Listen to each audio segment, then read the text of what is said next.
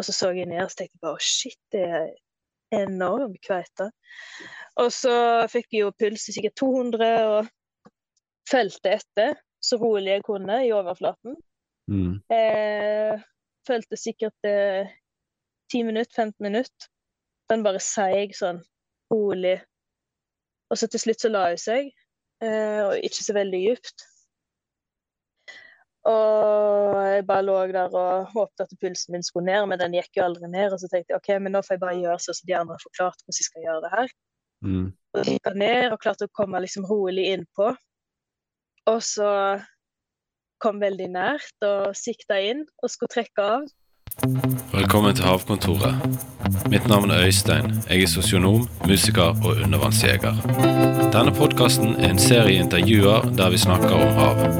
Det blir fridykking, men også fisk, fiskeri, miljøvern, bærekraft, jaktteknikk, skalldyr, matlaging, båtvett og livsnytelse. Hvordan får en nok tid på sjøen, i en travel hverdag med jobb og familie? Er det håp for torsken i Oslofjorden? Hvordan står det til med kveitebestanden i Sunnhordland? Er det lyren som er dum, eller er det vi som er det? Hvor finner en kamskjell, og hvor mange skal en ta? Hvordan får en kresne unger til å spise fisk? Hvem er havets fasan, og hvordan får du øye på han? Bare overflaten. På 90-tallet var det populært med filmer som begynte å fortelle historien i omvendt rekkefølge av det lineære. Det skal jeg prøve på òg i denne episoden av Havkontoret. Den ble spilt inn 21.9, og nå når jeg sitter og gjør den ferdig, så er det 8.10. Så da vil jeg fortelle litt om hva som skjedde denne helgen etter intervjuet, når de var og jaktet på Rebbenesøy. Da var de først ute et sted der de hadde blitt forespeilet flott tareskog og en del torsk. Men når de kom dit, så fant de en kjedelig, stor ørken full i kråkeboller. Og så hadde kjæresten til Elisabeth, Joel, han hadde tette bihuler, så han klarte ikke å dykke. Så da skulle de bare svømme rundt, og så skulle han signalisere til henne med å løfte harpunen hvis så en, så skulle hun komme bort og skyte han. Så ropte han kveite, og det var jo ganske utrolig egentlig, for han hadde skutt kveiten da. Selv om han ikke kunne dykke dypere enn 30 cm. Så kom hun bort, så lå kveiten på siden. Altså det var et godt skudd, og egentlig ikke nødvendig med en ekstra pil, men de gjorde det for å være helt sikker. Og så festet de haletauet, og idet pilene ble fjernet, må linen ha truffet hjernen, fordi plutselig så spratt kveiten opp ut av vannet ca. en meter opp og rett opp i båten. Det var sikkert et eh, krampetrekk i båten òg, men det viste seg snart at bensinslangen ble defekt i sammenstøtet, og de måtte da ta årene fatt og padle tilbake over en nautisk mil. Men det ble en fin tur, og de så både sel, nisa og grindhval på veien tilbake. Men så, når de kom tilbake igjen, så fant de ut at de skulle dykke litt til på litt grunt vann, og da klarte de å få to kveiter til. Og så traff de på en fyr som slepte de siste veien, og så fikk han kveite i belønning. Før eh, jeg setter i gang intervjuet med Elisabeth, så vil jeg bare gi en beskjed om at takk til alle som hører på podkasten. Hvis du liker innholdet hvis du setter pris på at det er noen som lager en podkast som handler om eh, fridykking og undervannsjakt i norske forhold, så eh, anbefaler han gjerne til venner. Legg inn en anmeldelse. Følg på Instagram og Facebook. Og eh, hvis det er noen som har lyst, så er det òg en eh, Patrion-side der du kan gå inn og sponse meg med en skjerv for å gjøre dette arbeidet. Ja, og forresten så ligger det allerede en uh, episode inne med kjæresten til uh, Elisabeth, som vi skal snakke med nå, som vi spilte inn tidligere. Joel Burman. Det er òg en fin episode som dere fint kan høre på. Dette intervjuet ble spilt inn i samme båt som det med Joel, så ly lyden er litt dårlig her. Så dere trenger ikke sende noe beskjed til meg og klage på lyden. Jeg tror det skal gå greit. Lyden er helt ok. Her kommer intervjuet. Velkommen til Havkontoret. Ja, tusen takk. Kjekt å bli spurt. Ja, bare hyggelig. Er dere på en uh, seilbåt nå, er det sånn å forstå? Ja, jeg uh, og Joel uh, vi har jo en seilbåt i lag som vi bor på. Mm. Så nå er vi ute på en kort seilas. Vi hadde mhm. tenkt oss å være ute i egentlig to uker. Ja. Men så måtte korte ned og korte ned, så blir det lang helg, da. Ja. Så nå er vi ute med ei øy som heter Rebbenesøya, som ligger da litt nord for uh, Tromsø. Okay. Her til Karlsøy kommune. Jeg er ikke så veldig godt kjent, men uh, nord for Tromsø, da? Nord for Tromsø, ja. ja. Og i dag har dere vært ute og uh, dykket? Ja, vi var, vi var en veldig kort tur nå på ettermiddagen. Et par timer eh, egentlig før du ringte nå. Det har vært ganske mye vind, eller det er fortsatt en del vind. Mm. 10-15 sekundmeter kanskje, så det er ikke superkult å dra ut i en gummibåt. Nei. Men uh, det gikk jo ganske greit, og sikten var ganske OK. Men det ble mest for å dra ut bare og se hvordan det så ut, og om det var fine forhold. Og ja, kanskje få en liten torsk eller noe annet til middag. Har dere plukket ut et sted for, uh, for en spesiell grunn, eller? Altså, det er jo en plass som jeg har sett på ganske lenge, i flere år i grunn. Jeg har mast i sikkert fem år at vi skulle komme oss ut her. Eh, men så har det ikke blitt noe, og så har det ofte vært dårlig vær. Det er jo ganske utsatt for vær og vind her ute. Så det har liksom det har ikke blitt Det er jo litt klassisk kanskje at en ikke er så god til å sjekke ut de næreste områdene, at en alltid drar litt lenger vekk. Jeg vet ikke hvordan det er sånn eh, Hvor langt unna fra Tromsø er det, da? Eh, vi brukte ja, en fire-fem timer med båt. Ja. Men hvis du kjører, så er det vel to timer, kanskje. Så det er jo ikke egentlig noe langt. Men så må du ta ei ferje, og så ja, Enkelte av ferjene må du bestille, ringe inn. Så det er litt sånn Hva var det som het den igjen? Eh, Rebbøy? Rebbenesøya. Rebbenesøya. Mm. Aner ikke om det er bra å dykke her egentlig, men det ser jo veldig fint ut. Så jeg er veldig spent. Ja. Men det, sant, det kan jo være bra én dag, og så neste dag så er det bæsj. Så ja. Har dere sjekket ut eh, sjøkart og sånne ting på bunnforhold? Og... Jo da, det, det, har vi gjort. Som sagt, jeg har jo sett meg ut denne plassen i en del år. Én ting er jo det som kan se bra ut på kartet, men når du, når du er der og så har høye forventninger, og så er det egentlig ikke alltid så bra likevel. Så vi får se. Men eh, det ser lovende ut. Eh, jeg har ikke sett så mye fisk, men vi var jo ikke så lenge ute, da. Og så begynte det å bli litt mørkt. Og, ja. For nå er det 21. september. Ja. Så nå blir det mørkt i Tromsø, da? Nei, nå er det jo det er fortsatt lyst ganske lenge. Det er vel ca. tolv timer som eh, sola er oppe. Ja. Ja, ja. Det, her er det ganske mørkt her i Bergen. Ja, nå er det jo mørkt her òg. Mm. Nå er jo klokka halv ni. Ja.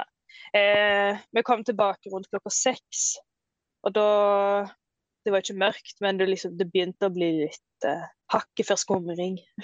Mm. Men du merker det fort i vannet, da, at det blir eh, vanskeligere å se.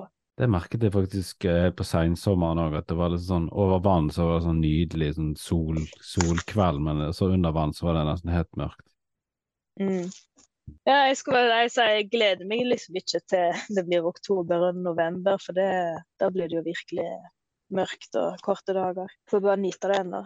Men er det liksom nå det er liksom den beste sesongen der oppe for kveite? og ja, Jeg syns jo det er veldig fint nå, for det eh, begynner å bli ganske klart og fint i vannet. Mm. Og så er det fortsatt varmt. Det var vel eh, rundt ti grader i vannet i dag. Mm. Eh, og så er det ikke begynt å snø ennå. Liksom.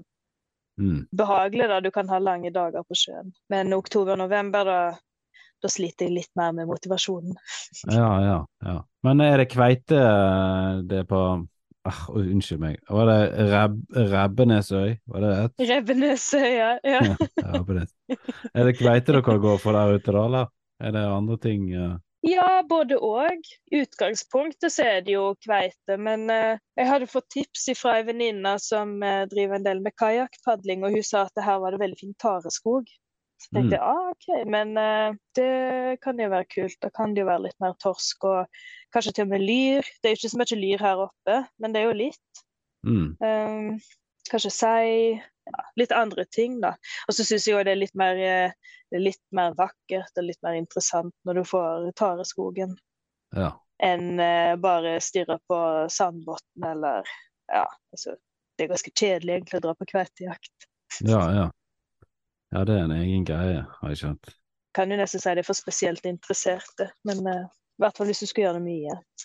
Men uh, du har nettopp vært ute i verden og konkurrert, uh, fikk jeg med meg. Vil du fortelle litt om det? Ja. Jeg var jo så heldig at jeg fikk være med på verdensmesterskap ja. i i en by som heter Laredo, så jeg sikkert uttaler helt feil, men eh, nord i Spania, i Biscayabukta. Ja. Laredo. Laredo, si! Ja. Nei, det var eh, For det første så var det jo en veldig fin plass, da. Det var, jeg har aldri vært i Nord-Spania før, så jeg gleder meg jo bare å komme ned der. Mm. Eh, veldig sånn dramatisk landskap med bratte klipper, går rett ned i sjøen, og du ser jo bare endeløst ut i havet. Veldig flott, veldig grønt på land. Mm. Eh, så ja, det var jo meg og Lydia og Aksel og Henrik eh, så reiste ned. Mm. Jeg og Lydia og Aksel vi reiste jo nå ned mandagen, og så begynte konkurransen. Det offisielle begynte torsdagen, da, så vi hadde tenkt å ha et par dager å scoute først. Mm. Eh, det var jo litt utfordrende, for det var det var jo veldig mye eh, dårlig vær da vi Mm. var der. Så det var høye bølger, og det var ekstremt dårlig sikt. Jeg vet ikke, jeg vet ikke om jeg har vært i så dårlig sikt før. Jeg Ja. så jo ikke hånda mi. Det var eh, forferdelig. Og da var det jo ekkelt òg, med kombinasjonen med svære bølger, mye eh, understrømmer og null sikt. Eh, det var ikke veldig trivelig å dykke ned til bånn, for du visste ikke hva du kom til. Om du kom til eh, altså svære steiner, eller om det var bare sandbotn, eller hva det var for noe. Ja. Så, Så det var ikke sånn at det ble bedre sikt når du kom lenger ned? Nei, det, det hendte at du bare nærmest krasja inn i bånn. Du var veldig Ah. avhengig av å ha, ha strekka ut armen først, og så la hånda liksom treffe bunnen, og så Eh, altså, Noen plasser var det var bare så dårlig sikt. Og så var det andre plasser der kanskje det var en meter opp fra bunnen, så kunne du se noe. Så det var veldig vanskelig å gjøre seg kjent. Mm. Så vel ikke en eneste fisk, tror jeg, på hele scoutninga. Det gjorde ikke det? Nei. Nei, nei. Så det var jo eh, det var litt kjipt, da. Men uh, vi så jo mye på land, og struktur på land, så kunne en jo anta at eh, OK, her er det mye stein, sprekker i fjellet. Det kan jo antageligvis fortsette det lenger ned, og da er det nok ganske interessant å, å dykke der, da. Ja.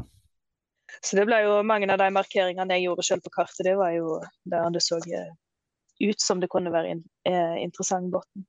Ok, så du hadde markert på kartet liksom i, i forberedelse til konkurransen, altså på konkurranse Var det to, det to dager?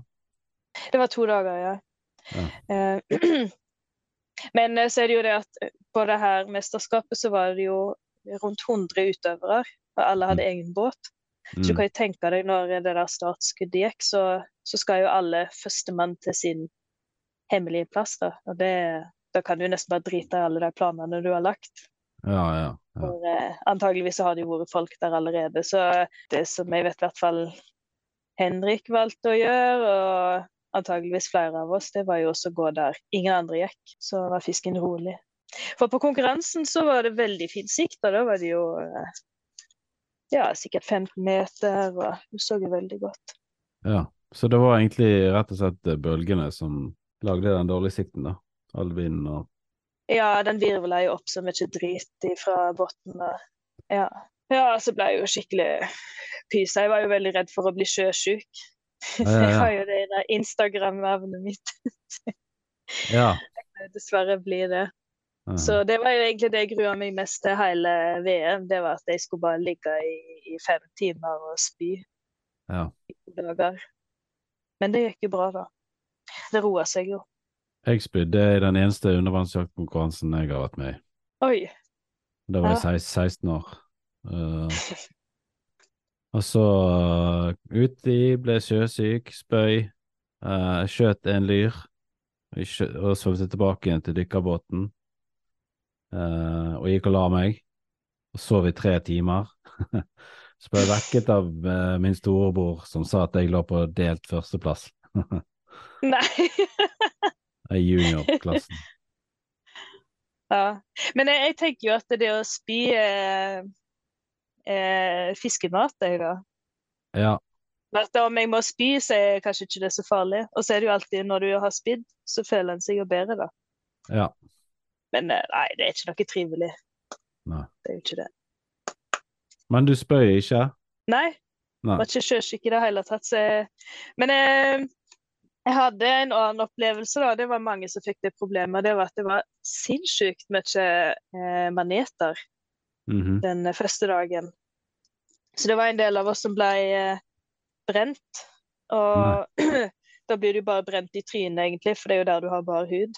Ja. Og eh, det var Altså, jeg måtte bruke armene for å liksom bare kave meg gjennom det her eh, Det var så tett med maneter, så jeg Og det var jo vondt. Mm. Så jeg husker faktisk at det er den siste halvtimen av konkurransen, da vurderte jeg om jeg bare skulle opp i båten. For jeg, jeg hadde så vondt i hele fjeset og hadde jo hovna opp. Så ut som jeg hadde Botox både her og der. Og da ble jeg, jeg hadde så vondt at jeg ble kvalm. Eh, og så snakka jeg med flere andre om det etterpå. og De sa det. De hadde opplevd det samme, da. Ja. og jeg har fortsatt jeg har fått arr i panna. Ei, ei. Ja, nei, det var Det er ikke noe for pyser der uh, undervannsjakt i Spania. Nei, det der uh, manetene, det var, var ikke bra. Skulle ønske de uh, var på lista, så kunne de tatt dem med opp i båten. Det er sikkert Ja. fått masse poeng. Ja. ja, det er jo litt spennende konsept. Sånn undervannsjakt med sånne ting som vi vanligvis ikke jakter på. Om å Ja, gjøre for mest var- maneter sånn. Poeng. Poeng for glassmanet og eh, På slutten av konkurransen skal alle, alle ha det der oppe i sånn svær bøtte, og så blir det delt ut. Kanskje jeg kunne fått sånn eh, bonuspoeng for styggeste fjeset. Ja, Sånne eh, sympatipoeng. ja. Ja, det hadde bare Det hadde jo vært litt uh, hyggelig, egentlig. At det kunne bli, bli belønnet med en premie. Ja, jeg hadde klatra høyt opp på lista, i hvert fall. Ja, nei, det er heftige saker. Skal du eh, reise Ja. på flere sånne konkurranser i utlandet nå, eller? Eh, ja, jeg skal neste helg til Mhm. Danmark. Da er det nordisk i Skagen. Skagen. Ja. Eh, sikkert også en fantastisk uttaling der. Eh, ja, spent på det. Aldri dykka i Danmark før.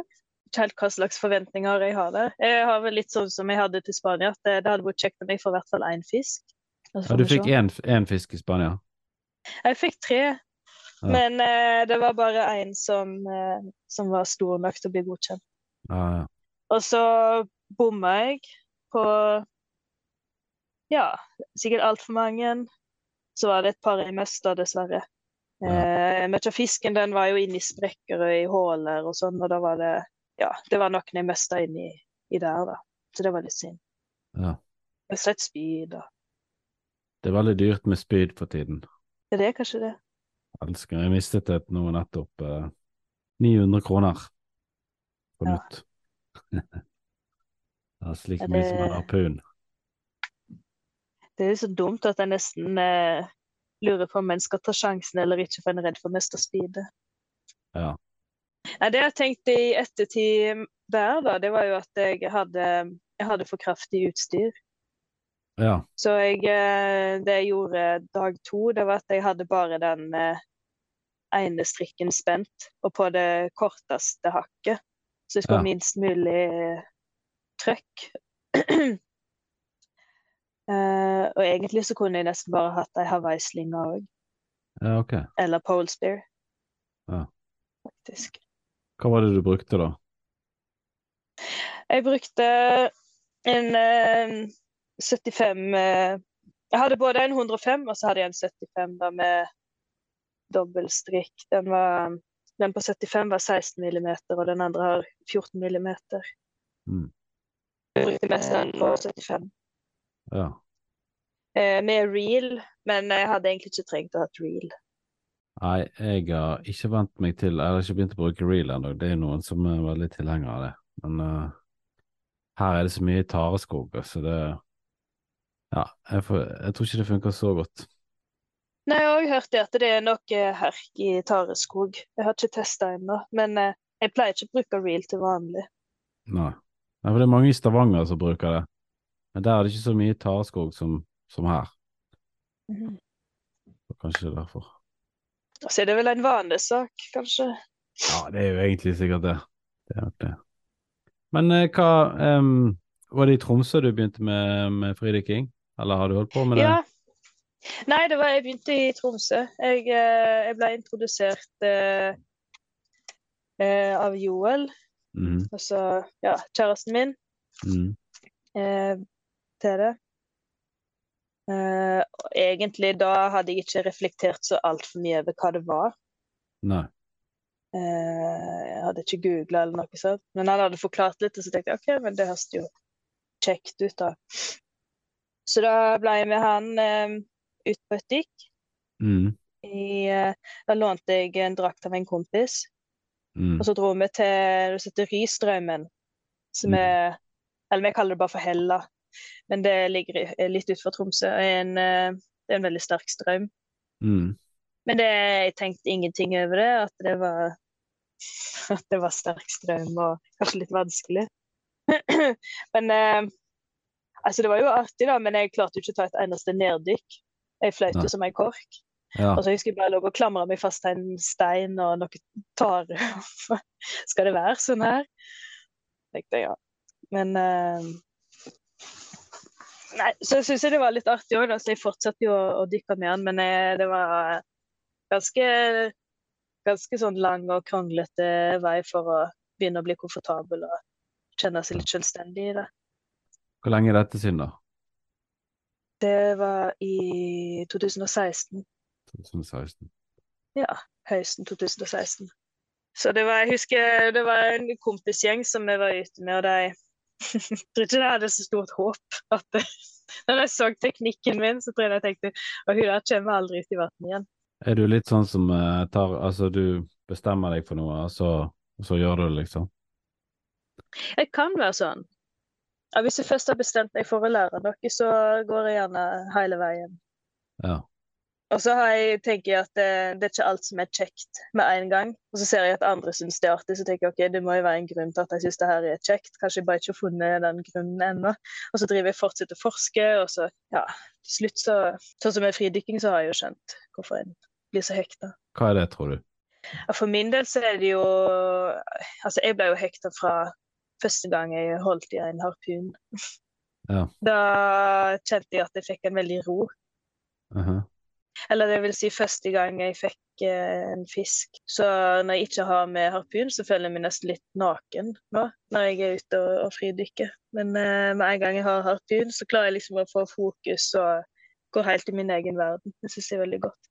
Ja, for det, da er du koblet på jaktinstinktet, da. Ja, det er vel kanskje det det heter. Jeg har tenkt veldig mye over det, da. hva er det som gjør at en blir så ekstremt hekta på, på det. Det er mange forskjellige grunner, tror jeg. Men jeg tror rett og slett at det har eh, Det er en del av de her fysiologiske greiene som skjer, på en måte, som er litt sånn uh, ja, Det minner, kan minne litt om rus. ja. Altså det der blodskiftet og de tingene der. Det er ekstremt vanedannende. Jeg føler jo òg sånn som det med f.eks. kveitejakt, at det er jo litt som eh, å spille i Lotto eller noe sånt. At du eh, Det er sånne ekstreme kontraster da, fra det der å, å leite og leite, og det kan jo være timevis. Når vi begynte med det her, så kunne det jo være flere dager uten at vi så kveite. Og så plutselig så ligger det en der. Mm. Det er så der eh, ekstremt sånn bare rush og adrenalin og ja, Du skal gjøre alt rett og Nei, det er, det er jo litt sånn vanedannende. Jeg skjønner hva du mener når du tar den ruskoblinga. Hva er den eh, flotteste opplevelsen med kveite du har hatt, da? Jeg vil nok si den flotteste, den flotteste opplevelsen. Kanskje når jeg tok den første. Det var ikke så veldig flott opplevelse. Det var veldig kaotisk og stress. Mhm. Jeg gjorde masse feil. Mm. Men det var jo bare så Åh, jeg var liksom så stolt og så lykkelig, selv om det var minstemålskveite og dritdårlig skudd og holdt på å miste den og, og sånn. Men det var bare Jeg var så veldig glad, da, for det var jo Jeg hadde jo vært så mange timer, ja, flere år, da, og drev og vært med de andre og sett at de fikk det til. og Mm. Men eh, flotteste Jeg har jo liksom en del opplevelser som jeg føler har vært ganske spesielle. Kanskje den mest spesielle var første gang jeg så kveita. Det var jo ei kjempesvær kveite. Mm. Eh, sikkert 80-100 kilo. Jeg husker jeg hadde bare et sånn der eh, bitte lite bøye, nesten som et sånn eh, badedyr omtrent. Mm. Så jeg hadde jo ikke rigga for å kunne ta noe stor fisk. Jeg hadde jo ingen forventninger om at jeg skulle ta det heller. Og så plutselig så, så jeg meg en svær skygge som var rett under meg og svømte. Mm. Og så så jeg ned og tenkte bare å shit, det er enorm kveite. Og så fikk jeg jo puls i sikkert 200 og fulgte etter så rolig jeg kunne i overflaten. Mm. Eh, fulgte sikkert eh, 10 minutter, 15 minutter. Den bare seig sånn rolig. Og så til slutt så la hun seg, eh, og ikke så veldig dypt. Og jeg bare lå der og håpet at pulsen min skulle ned, men den gikk jo aldri ned. Og så tenkte jeg OK, men nå får jeg bare gjøre sånn som de andre har forklart hvordan jeg skal gjøre det her. Mm. Og gikk ned og klarte å komme liksom rolig innpå. Og så kom veldig nært og sikta inn og skulle trekke av. Mm. Og så skjedde det ingenting. Ja. Og så tenkte jeg nei, det er sikringer på. Mm. Men så kom jeg på at det er ikke noe sikring på den harpunen. Jeg lånte Joel sin harpun. ja. Men det var bare det at den var annerledes enn min, så triggeren var liksom litt mer motstand. Og da hadde jeg sett ned på håndtaket, og så så jeg liksom opp igjen, og den bevegelsen der var nok til at kveite bare eh, liksom reiste seg og, og begynte å svømme. Ja. Og da trekte jeg av vet du, med den pila, den traff jo aldri fisken engang. Nei. Og det var sånn en frustrasjon som kom opp. Men det var, var en helt vanvittig opplevelse. Ja. Det er kanskje det er nok det sterkeste jeg kan tenke på. Mm. Det som var litt artig òg, det var at det på Seinere den dagen så tok vi sånn middagskvil. Og så, og så lå jeg sånn med hånda oppå brystet til Joel, og så, og så lå jeg og eh, Han trodde at jeg lå og liksom klødde han på brystet, men det jeg egentlig gjorde, var at jeg tok triggeren igjen og igjen og igjen og igjen. Jeg tok det var Nei, det, det tok flere år å komme over det der, egentlig. Ja. Så jeg regner med de fleste har noen sånne episoder som du bare jeg går på repeat i hodet. Det er liksom alle feiler du gjorde og Ikke så mange store fisker som det her, da. Men, uh, Nei, det var liksom det jeg følte jeg gjorde alt rett, og så måtte jeg bare rettferdiggjøre det etterpå med at det var bra at jeg ikke tok den kveita, fordi den hadde sikkert gått ned med bøy og alt. ja, for hvis det var en litt sånn liten badeleke som du hadde. Ja, det var jo ei det var jo ei ordentlig dykkebøye, men det er jo sånn billig Men du lærte jo masse, da, den gangen. Ja da, det en hel haug. Mm. Blant annet en ting som, eh, som Joel er veldig nøye på, da, det er jo det her med forberedelser. Og han hadde jo sagt til meg tidligere den dagen at det, du må prøveskyte harpun. Mm. Det er veldig viktig at du gjør det, sånn at du kjenner hvordan den er, hvordan den er å lade, hvordan triggeren er, hvordan den skyter, alt det der. Og jeg Mm. bare ja ja, ja da, ja da, ja da. Og jeg gjorde jo ikke det. Så det skulle jeg òg ha gjort, da. Så hadde jeg jo visst litt mer. Og litt klokere. Ja. Og det er en ting jeg fortsatt eh, kan bli bedre på. Det er det der med å ha gode forberedelser. Det kjenner jeg det er en sånn gjenganger at eh, når ting går skeis, så analyserer jeg det etterpå. Så sier jeg at nei, OK, men jeg hadde Jeg skulle ha gjort sånn og sånn. Jeg er Liksom ikke forberedt. Ja. ja, det er lurt det der å ja, være litt sånn uh, forberedt. Jeg har jo flere ganger hatt med meg venner og sånne ting, og så har jeg gitt dem en harpun, og så har jeg gitt dem en sånn kort innføring hvordan de bruker den. Eh, og så har de så har jeg liksom fulgt med på de litt liksom mens jeg har dykket, så har jeg sett at de har sittet litt oppå en stein og fiklet med Det er jo sånn eh, Det er jo sånn en helst bør gjøre sjøl, på en måte. Ja. Det er for viktig å bli godt kjent med utstyret. Ja, for en blir jo ofte litt sånn at En har så lyst til å dykke Sånn at en klarer å legge nivået til eh, litt på at jeg kanskje burde brukt litt mer tid på, på en måte, å gjøre det forberedelsene. Ja, tenker du for din egen del, eller tenker du når du er ute med andre? Ja Jeg tenker at det er lettere for Hvis folk får en god opplevelse første gangen de dykker, så er det jo lettere for at de har lyst til å begynne å dykke. Og hvis du tar de med på dykking, så er det vel fordi du har lyst til å ha de med å dykke. Så, så det er lurt å være litt flink på det òg. Ja, jeg tenker det er viktig at en får eh, sånn mestringsfølelse, kanskje, når en er ute. Mm. Til at det er mulig å faktisk føle litt mestring. Ja. Men nå er, ja, så nå er det, det er to måneder med godsesong nå, da, framover. Så er det skisesong. Ja. Mm. Det blir det, da. Ja. Nei, nå blir det jo eh, Det blir jo en del dykking framover. Ja. Så skal jo NM blir jo helga etter Danmark, i Kristiansund. Det gleder jeg meg veldig til. Mm. Eh, mest egentlig for å dykke i Kristiansund og området der. Mm. Jeg har hørt så mye bra, så jeg, liker veldig godt Hitra. Så jeg tenkte at det kanskje det er litt eh, liknende forhold i Kristiansund. Jeg har hørt at det Kristiansund er som Hitra, bare bedre. Så Ja. vi får se.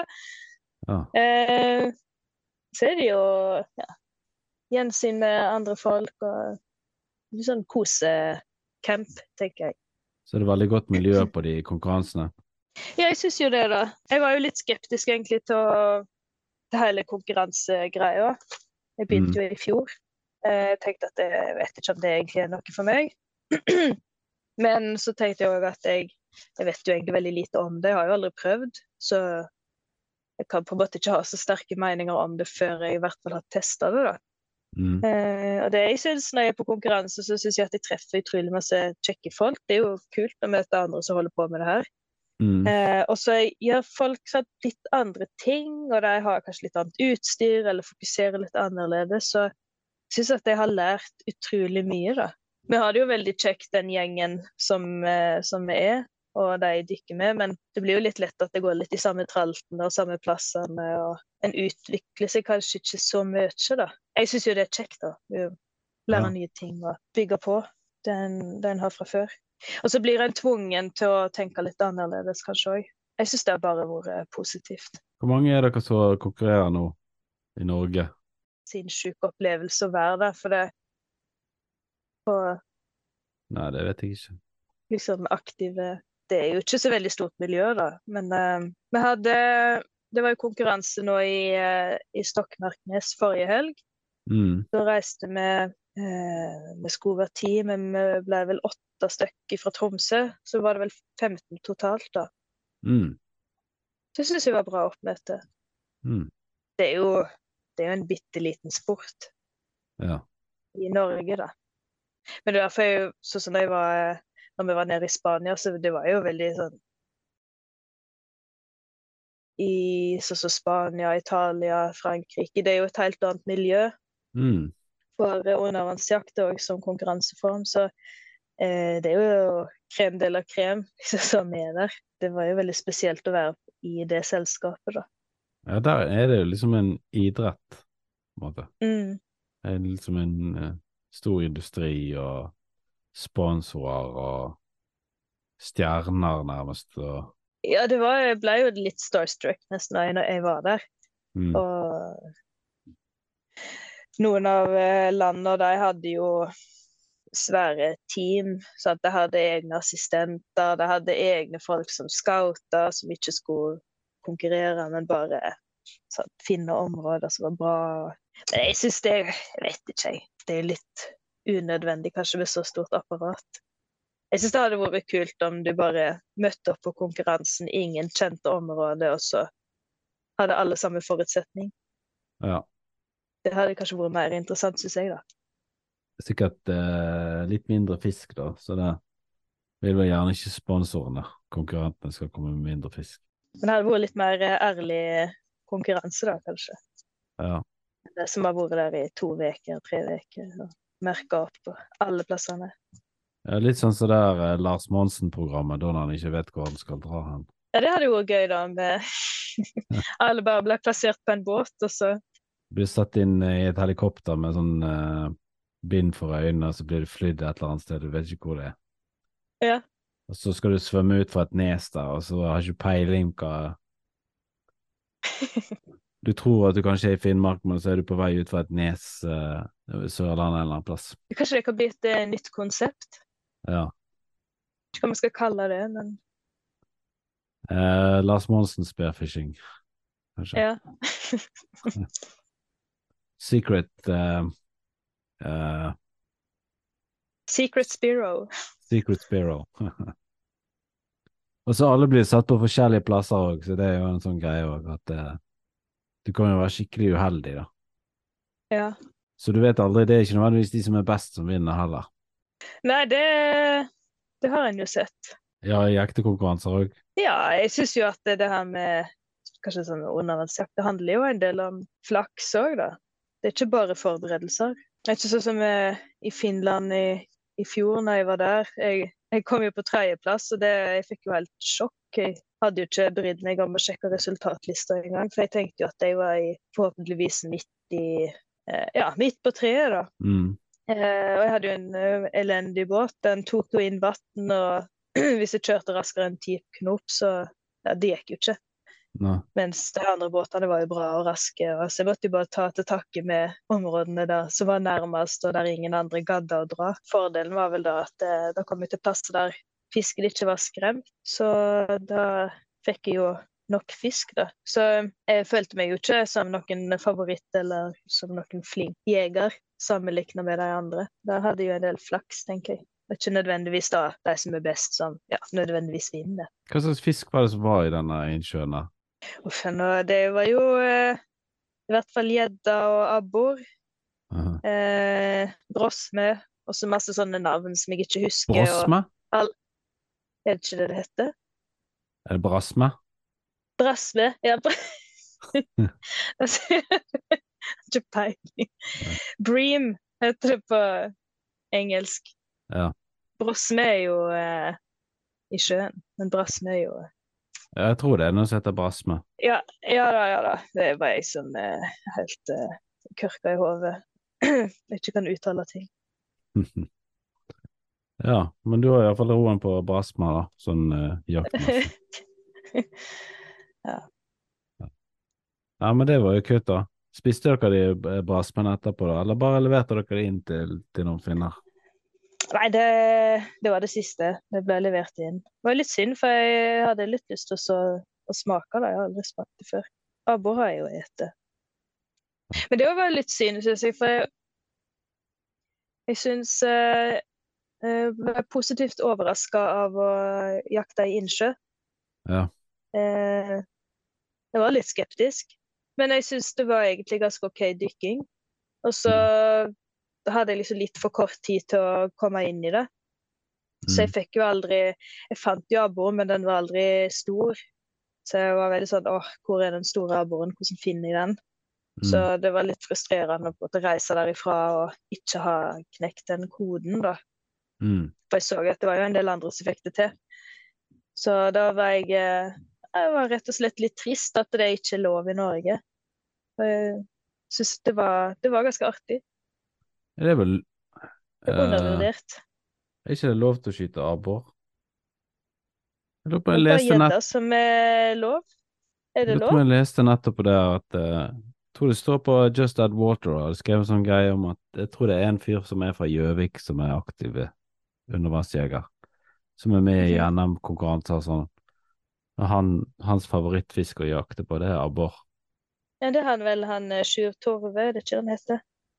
Ja, det kan være noe sånt. Ja. Jeg trodde det var gjedda. Ja. Er jo lov hvis du har eh, Hvis du har lov av grunneieren. ja.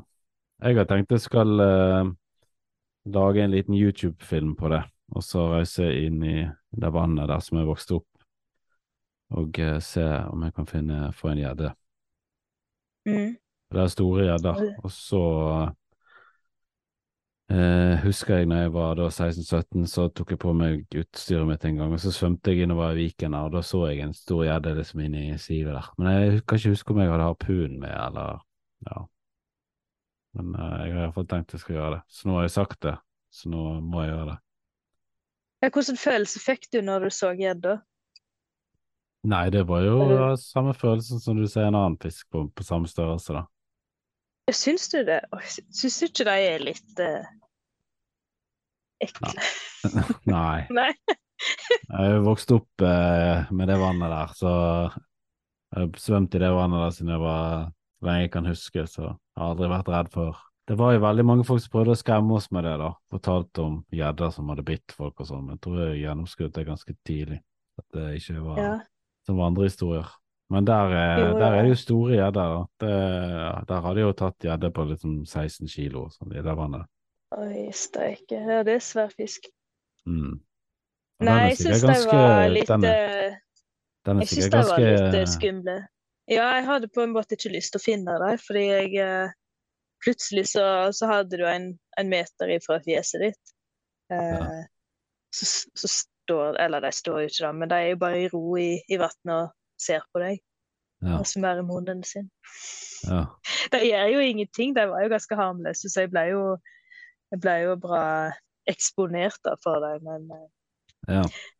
det var sånn der eh, skrekkblanda fryd. Jeg håpte, og jeg håpte virkelig ikke at jeg skulle finne ei stor gjedde. Mm.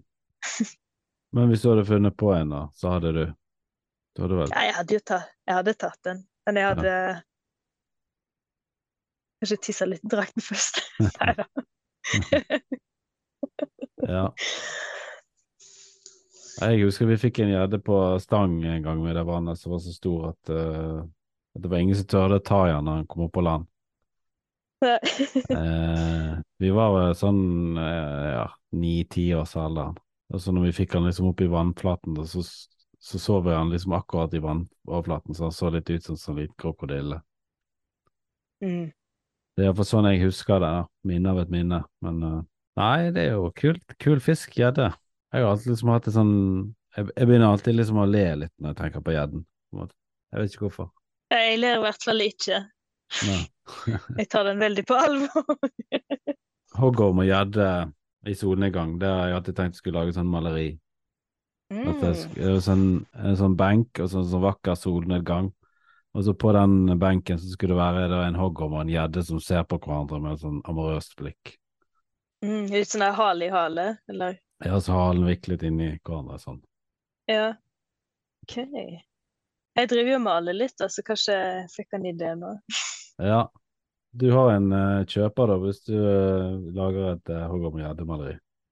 Ja, OK. Ja. Nei, men det skal jeg, eh, det skal jeg huske på. Det er kult. Får se om jeg blir inspirert til å male. Ja, i morgen skal dere ut igjen og dykke videre. Ja, og i morgen så får vi Da får vi besøk av eh, to gode venner vi har, Sebastian og Åshild. Mm. Eh, de skal kjøre fra byen, Mm. og så skal de være da her i helga. skal vi ut og dykke, så skal vi lage god mat av eh, all fisken som jeg tenkte at vi skal få. Ja. Drikke litt vin. og Det er veldig fint. Dere har ikke fått noe fisk ennå? Nei, men det var veldig kort ute i dag. Uh, ja. Så det har blitt eh, Det ble chips til middag. Ah. Har dere gjort sånn at dere har reist ut og ikke tatt med dere noe protein, bare liksom grønnsaker og poteter? Ja, nå må jeg tenke meg om hva vi har gjort. Eh, så at vi bor jo på båten, så vi har jo, vi har jo allerede liksom Vi har jo med oss hele kjøkkenet og alt vi har. Mm. Men vi har jo lagt opp til at det skal bli fisk, og hvis ikke så blir det veggis. Dere har ikke noe lyr i frysen på båten? Ja, vi tømte hele fryseboksen, for vi, vi hadde jo tenkt vi skulle fylle den opp. Men ja, eh, da har vi kanskje jinxa hele helga. ja. Kanskje ikke blir noe i det hele tatt. Det blir jo alltid et eller annet, ikke det? Ja, sjøstjerner, eller Ja, eller kanskje en manet. Ja. Mm. Jeg tror jeg holder en knapp på sjøstjerner framfor manet, sånn konsistensmessig. Ja, men det kan jo være smaken er god, det er bare konsistensen På bare... manet. Nei, jeg tror ikke det er noe som jeg spiser. spise det. Så det blir en smoothie, og så Ja, smoothie. Æsj. Brennmanet-smoothie. Nei da, vi skal få fisk. Det, Ja. det må vi. Eh, Rausbøtte og lommeren, den pleier jo ikke å svikte, da. Det pleier å være en og annen. Hvis Ja. ikke finner noe annet. Det er jo veldig god fisk òg, da. Mm. Jeg hadde håpet å finne den her fine tareskogen, men eh, jeg var jo litt trist egentlig når vi var ute og dykka nå, for jeg så at det er vanvittig med kråkeboller her. Jeg var Ja. overraska at det var så mye kråkeboller her ute. Ja. Jeg tenkte at det var for værhardt. Men eh, her har de etablert seg godt. Så det var, var mye skog som var forsvunnet. Mye ørken og svære kolonier med kråkeballer. Ah, ja, ja. Er trist å se. Mm. Hva er det som gjør det, egentlig? Nei, det er liksom det er forskjellige ting. Jeg er ingen ekspert på det her, men noe av det er vel at det har vært overfiske, sånn at du har tatt vekk en del av predatorene til kråkebollene, spesielt Mm. steinbit. Steinbiten, ja. Um, og så har vi jo ikke Det er ikke så mye krabbe her som du kanskje har lenger sør, og så selvsagt kongekrabbe lenger eh, øst. Mm. og så har det litt med temperatur og Det er vel litt komplekst, da. Men uh, Mm. jeg håper en får snudd det. Men uh, det ser jo litt dårlig ut. Var det dere som hadde sånn uh, opprydningsaksjon? Sånn kråkebolle? Ja, jeg er, jeg er med og, og hjelper til i et, altså en organisasjon som heter Tarevoktere. Mm. Og de, eh, de arrangerer uh, hva skal jeg si Riddeaksjoner av uh, kråkeboller. Mm. Så jeg er med å arrangere dugnader med dykkerklubben, studentdykkerklubben. Og det gjør vi en gang i måneden, og så samles vi, og så er vi ute et par timer også på en spesiell plass. Og så enten så knuser vi kråkebollene, eller så samler vi dem. og Det går jo enten til noe forskning, eller så går det til som heter Urgenomics, som da eh, får dem til å bli større, feiter dem opp, og så sender de til Japan. Ja. Det er forskjellig. Ja. Men eh, målet vårt er jo at de skal vekk. Og så kommer jo tareskogen tilbake. Ganske raskt, egentlig. Men det er jo veldig omfattende. Det, det området vi er på, er sånn jeg vet ikke, 100 kvadratmeter. Nei, det er vel litt større, men det er ganske lite. Ja. Eh, Så det er litt sånn forskningsprosjekt, da? At dere tester Ja, det, egen- se om det går an å rydde et sted, og se om det kommer tilbake? det er det det har vært, da. Og så har det jo, det har det jo utvida seg litt, men det er ikke veldig effektivt å bruke frivillige fridykkere og eh, scubadykkere til å, å, gjøre det her. Så det er mest for å vise problemet og at det faktisk funker. Ja. Men det er et eh, veldig stort problem, det er jo det. Mm. Det er mange sånne sammensatte problemer nå som på mange forskjellige fronter, egentlig. Det er ikke alltid lett å vite hvorfor det blir sånn. Det er alltid snakk om flere ting på en gang. Så nei, vi får eh, fortsette å, å snakke om det. Jeg vet eh, nede ned på si, Gran Canaria så hadde de eh, snakka med noen eh, dykkere der i, tidligere i år. Og de sa at de hadde også hatt et veldig stort problem med kråkeballer fram til ganske nylig. Men så hadde husker ikke om det var at temperaturen gikk veldig opp, eller om den gikk veldig ned e- et år, da. Og da forsvant alt. Ja. Men der hadde jo fått eh, Der eh, hadde jo staten masse midler for å betale egentlig frivillige og, og sånn for å få vekk kråkebollene, da. Men, eh, men der forsvant problemet av seg sjøl når temperaturen endrer seg. Så det kan jo hende at det Hvis noe sånt skjer, så kanskje det kan, kan snu det. Men jeg vet ikke. Jeg er en ekspert for å uttale seg om det her. ja. Jeg trakket på en sånn uh, kråkebolle på Sardinia. En sånn uh, svart en. Det var ganske vondt. Ja, fikk du ut de eh, piggene? Ikke før jeg kom hjem igjen. Nei. Så det var sånne svarte små pigger som satt inni foten min hele turen. Og øh, det var jeg tror første dagen jeg klarte å gjøre det, skulle være der i 14 dager. Oh, Og så deilig. øh, gikk jeg inn på en sånn uh, ospedali, og så fikk jeg på en måte knotret fram at jeg trengte et eller annet sånn, fikk vite det. Spinas, spinas del mare heter det på italiensk. Så Mhm. fikk jeg en sånn ekkel, sånn brun krem som liksom jeg måtte smøre på. Ja, og det, det ble ikke noe av. så, men det var bare egentlig litt sånn hissig og vondt akkurat første natten og første dagen, og så var de bare der. Og så når jeg kom hjem igjen, så var jeg ute hos fastlegen min, og så han og jeg tror det var han og sekretæren hans som plukket de ut mens de mobbet meg. ja, men de, eh, de er jo heslige. Jeg, eh, jeg skal prøve å knuse kråkeboller med en stein ja. tidligere i år. Og så hadde jeg bomma litt på, eh, med denne steinen, da, så jeg slo jo egentlig kråkeboller med halve hånda i stedet for, med full kraft. Ai, ai, ai. Eh, det hadde jo 7 mm leoprenhansker, men likevel, det var jo noen som tigger som satte seg. Og jeg har, eh, jeg har fått en sånn liten utvekst på tommelen, der den ene piggen satte seg i og ikke kom ut. Så har det liksom bare Ja, det ser spesielt ut. Så for meg den, denne piggen den bare flyter rundt inni kroppen. Da. Kan være det har skjedd en slags sånn osmose mellom deg og kråkeballen, at du har fått litt gener fra kråkeballen, sånn at du er i ferd med å bli Du vokser opp ut pigger på hendene dine, at du får sånne pigghender. Ja. Det føles litt som at håret mitt begynner å bli sånn Det har vært veldig vanskelig å børste det, så kan mm. hende at det ikke blir ei kråkebolle. De kan jo leve veldig lenge uten mat, da, så det hadde jo vært en fordel. For det syns jeg er litt plagsomt av at en må ja. drive og ete hele tida. Ja. Du hadde begynt å spise tang, da? Tang og tare. Ja, det hadde jo vært litt, eh, litt, dumt. Jeg måtte funnet noe annet å leve på. Og så har du blitt sånn upopulær i dykkerklubben din. Uh, ja. De hadde, hadde levd farlig. De hadde vendt seg imot deg. Uh, og du hadde prøvd å si til dem liksom, at det var deg. Det er meg, Elisabeth. Og så hadde de liksom fanget deg og satt deg opp i en sånn og feitet deg opp og sendt deg til Japan. Ja. Ja, ja. Jeg har aldri vært i Japan, da, så da hadde jeg jo kommet meg dit, i hvert fall. Ja, nei, det er mange spennende muligheter. Ja. En artig tanke.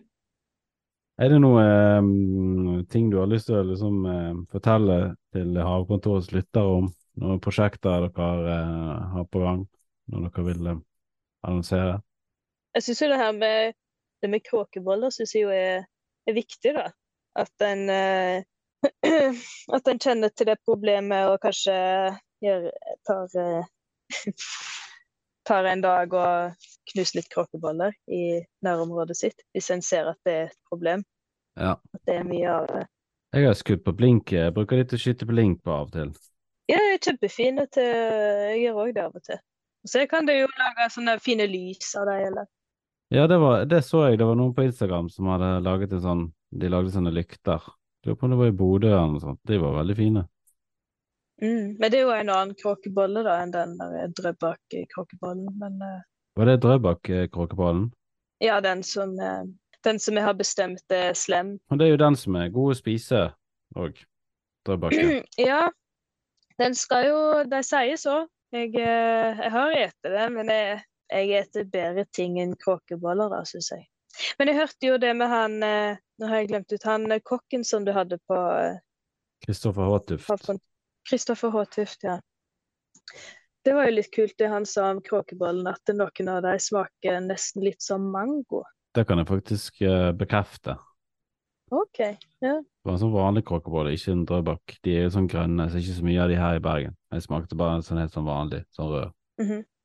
Nei, jeg må jo prøve igjen, da. For jeg, når jeg prøvde det sist, så syns jeg det bare smakte litt sånn slimete konsistens med sjøsmak. Og det syns jeg ikke Jeg liker ikke øster selv. Jeg syns det Jeg vet Ja.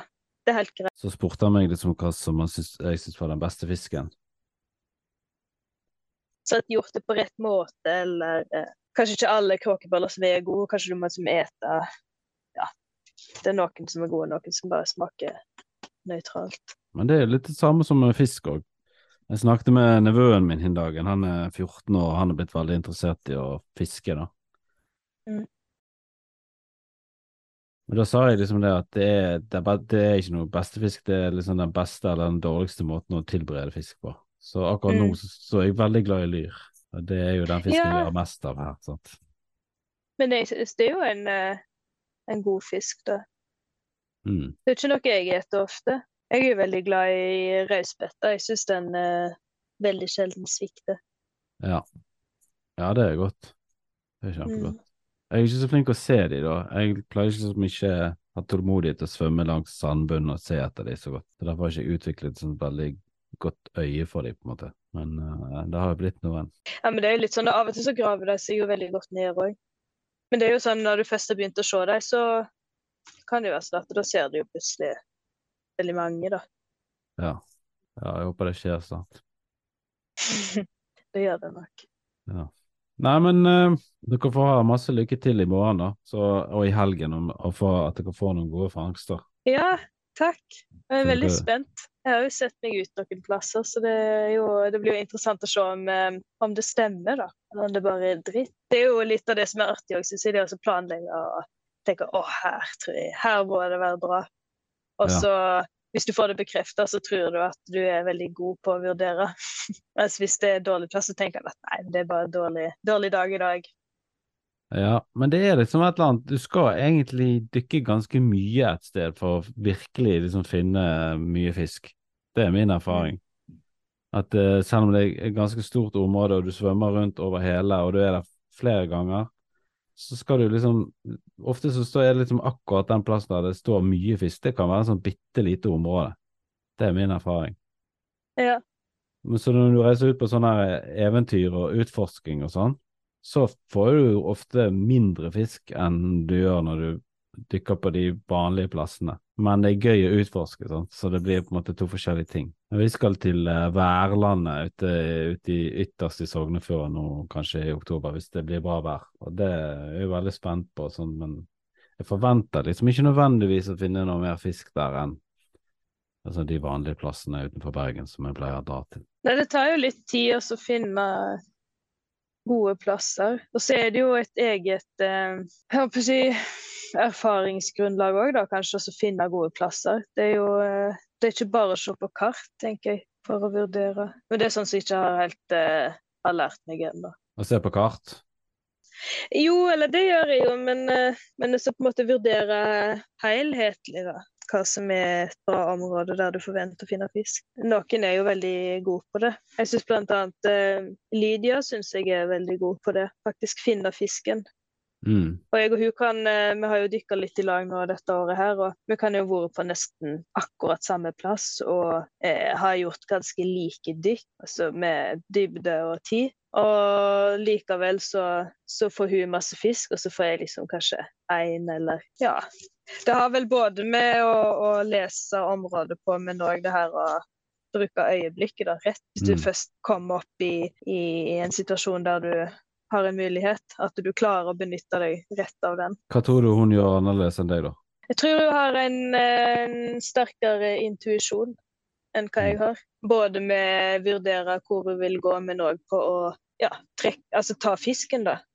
I rett mm. øyeblikk. Jeg kan av og til være litt kanskje Ja, jeg kan både være for tidlig eller for rask, eller nei, for uh, treig, eller ja. Det er mange ting jeg kan se på med hva som er en uh, god jeger. Lydia fortalte jo, når jeg intervjuet henne, at hun hadde røpet noen av teknikkene sine til en av motstanderne i konkurransen. Ja, det husker jeg. Hun var ganske frustrert. ja, ja. ja.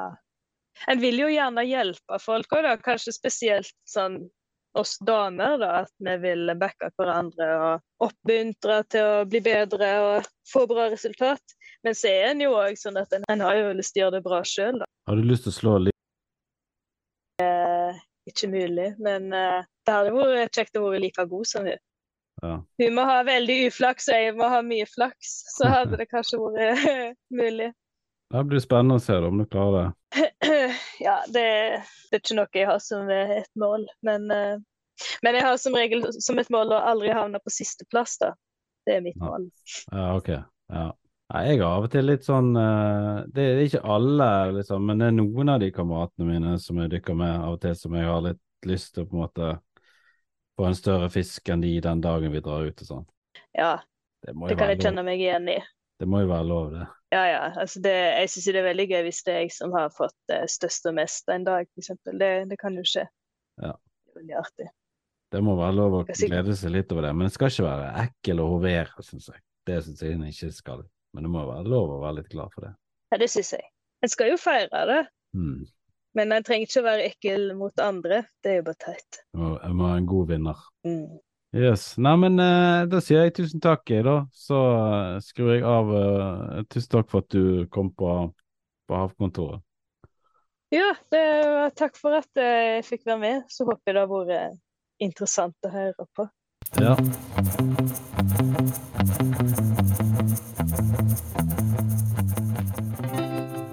Havkontoret 17. Tiden flyr.